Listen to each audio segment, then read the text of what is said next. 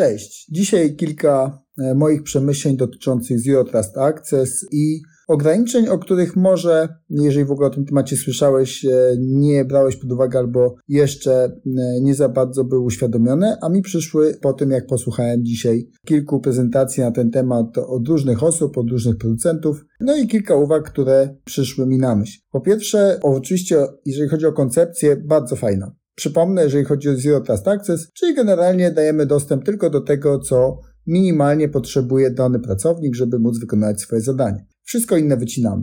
E, zanim damy dostęp, to umożliwiamy sprawdzenie, czy stacja spełnia politykę, czyli jeżeli ustawiliśmy, że nasza polityka oznacza, że antywirus, patche, aktualizacja jakiejś aplikacji trzecich jest wymagana albo uruchomienie naszej aplikacji firmowej, na przykład do zarządzania endpointem musi być, no to to oczywiście mm, należy zrobić i możemy to sprawdzić, zanim udostępnimy dostęp. I to jest jakby klucz. Natomiast to, z czego wydaje mi się wiele osób sobie jeszcze dzisiaj nie zdaje sprawy, to fakt, że zastosowanie takiej super świetnej koncepcji bezpieczeństwa oznacza, że trzeba dużo więcej pracy będzie włożyć w zabezpieczanie tego środowiska, jeżeli to będzie wykonywane w ten sam sposób jak do tej pory. Czyli jeżeli kreujemy na przykład system jakiś VPN-owy czy nakowy w oparciu o statyczną politykę, grupę ról, no to tworząc taką bardziej zaawansowaną politykę, czy bardziej wyższy poziom bezpieczeństwa, będziemy musieli tych ról stworzyć wielokrotnie więcej. I to nie mówię o dwukrotnie więcej, tylko raczej dziesięciokrotnie więcej, albo nawet e, więcej niż dziesięć razy.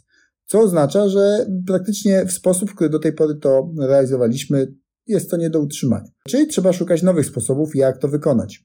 No i tutaj pięknie można sobie opowiadać różne rzeczy, zwłaszcza w takim ogólnym bardzo e, formacie, że takie systemy Zero Trust Access to najczęściej to są jakieś bramki, jacyś klienci na stacji końcowej, no to ten agent na stacji końcowej musi oczywiście sprawdzać tą naszą politykę, czy jest zainstalowane to, co powinno być zainstalowane i sprawdza, czy nie ma jakichś aplikacji czy serwisów, które są dla nas groźne. Więc generalnie mamy jakiegoś agenta na stacji końcowej, mamy jakiś miejsce, gdzie musimy wymuszać tą politykę. Czyli to może być jakiś koncentrator VPN-owy, może to być jakiś firewall, może to być jakiś e, system e, w połączeniu z znakiem, czyli jakiś na przykład punkt dostępowy, albo przekazywanie tej informacji użytkowniku do firewalla i tam e, wykonywanie odpowiedniej polityki ograniczającej. Tak czy inaczej, gdzieś musimy ten ruch ograniczyć. Należy sprawdzić, czy ten użytkownik ma dostęp, należy sprawdzić, czy jego stacja spełnia oczekiwania. To na pewno. Natomiast to, co jeszcze mi zabrakło, to co ma się wydarzyć w momencie, kiedy ta stacja nie spełnia tego wymagania. Czyli świetnie jest e, wymyślić system, który będzie super bezpieczny, tyle tylko, że część użytkowników nie będzie mogła pracować. No to, to jest raczej słabo użyteczny system, a o tym zauważyłem mało kto mówi. Czyli dużo się mówi o tym, że podwyższanie bezpieczeństwa ogranicza mm, ryzyko, że podwyższenie bezpieczeństwa jest potrzebne, że oczywiście przed różnymi nowymi atakami, czy coraz popularniejszymi, czy ilością ataków, która rośnie, trzeba się chronić. To wszystko się zgadza, ale mało kto mówi o tym, jak to zrobić przy ograniczonych zasobach. Te pomysły, które widzę, które się pojawiają, to y, propozycje pod tytułem dobra, to możemy wynająć te zasoby z zewnątrz, jakieś usługi bezpieczeństwa, jakieś usługi zarządzane, OK, to też możemy zrobić, ale to nie jest e, raczej model, w który byśmy chcieli iść jako administratorzy w każdej sytuacji. To, co można wyoutsourcować, no to oczywiście warto się na tym zastanowić. Widzę, że dzisiaj bardzo popularne są usługi sokowe jako outsourcing, no ale też trzeba sobie zdać sprawę z tego, że zbudowanie własnego soka to jest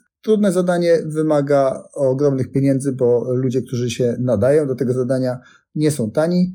No i trzeba to oczywiście cały czas utrzymywać, czyli taki sok powinien działać cały czas, no albo przynajmniej cały czas, gdy dostępne są nasze zasoby. Czyli w zależności od działania firmy, no to są koszty niemałe. W związku z tym to outsourcowanie takiego zakresu monitorowania może nie być e, wcale głupie, e, dlatego że takie agregowanie usług SOC zmniejsza koszty jednostkowe, więc okej, okay, no tutaj się jak najbardziej zgodzę. Natomiast już e, kwestie udostępniania tym użytkownikom naszym firmowym naszych wewnętrznych zasobów, no to ciężko będzie wyoutsourcować, chyba że to będzie outsourcing w zasadzie całego naszego środowiska sieciowego. No to wtedy tak, ale to jest e, myślę trochę inny temat e, niż ten, jak sobie zorganizować wyższy poziom bezpieczeństwa i jednocześnie móc sobie z tym zadaniem Zero Trust Access poradzić. No więc odpowiedź jest taka, że potrzebne są nowe narzędzia. No ale jakie te narzędzia nowe mogą być? No przede wszystkim potrzebujemy dużo więcej automatyzacji. No i tutaj ta automatyzacja będzie wyglądała różnie w zależności od tego, jakie mamy środowisko. Czyli jeżeli będziemy mm, tą automatyzację chcieli wykonać w takim klasycznym naszym on-premowym tak zwanym środowisku, czyli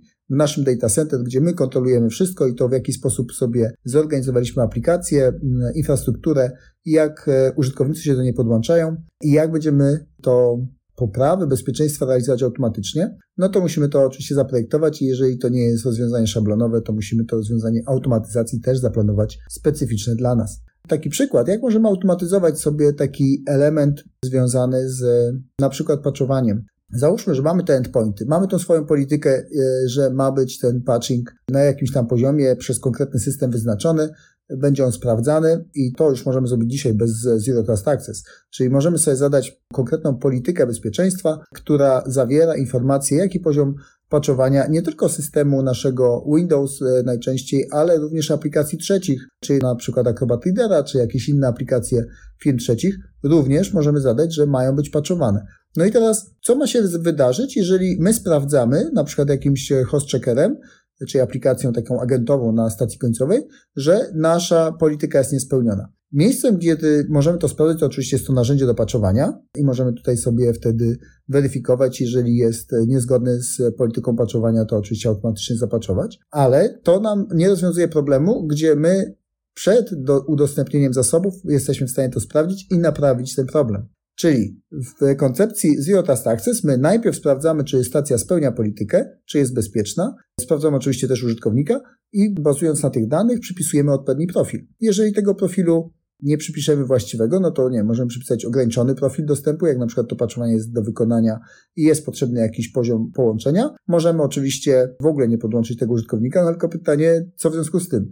No bo z punktu widzenia bezpieczeństwa to jest świetne, że nie podłączamy. No to jest najbezpieczniejsza metoda, mm, odłączyć wszystko i wtedy jest najbezpieczniej. No ale to nie o to chodzi. Tu chodzi o to, żeby mieć przecież tych użytkowników pracujących i możliwie wysoki poziom bezpieczeństwa, z tym, że według mnie przynajmniej priorytetem powinno być ten wysoki poziom użyteczności, a potem dopiero wysoki poziom bezpieczeństwa, a nie na odwrót. Chociaż takie implementacje też znam. No i możecie sobie wyobrazić, że opinie użytkowników o takiej e, sieci firmowej nie są za dobre. W każdym razie, jak to można wykonać?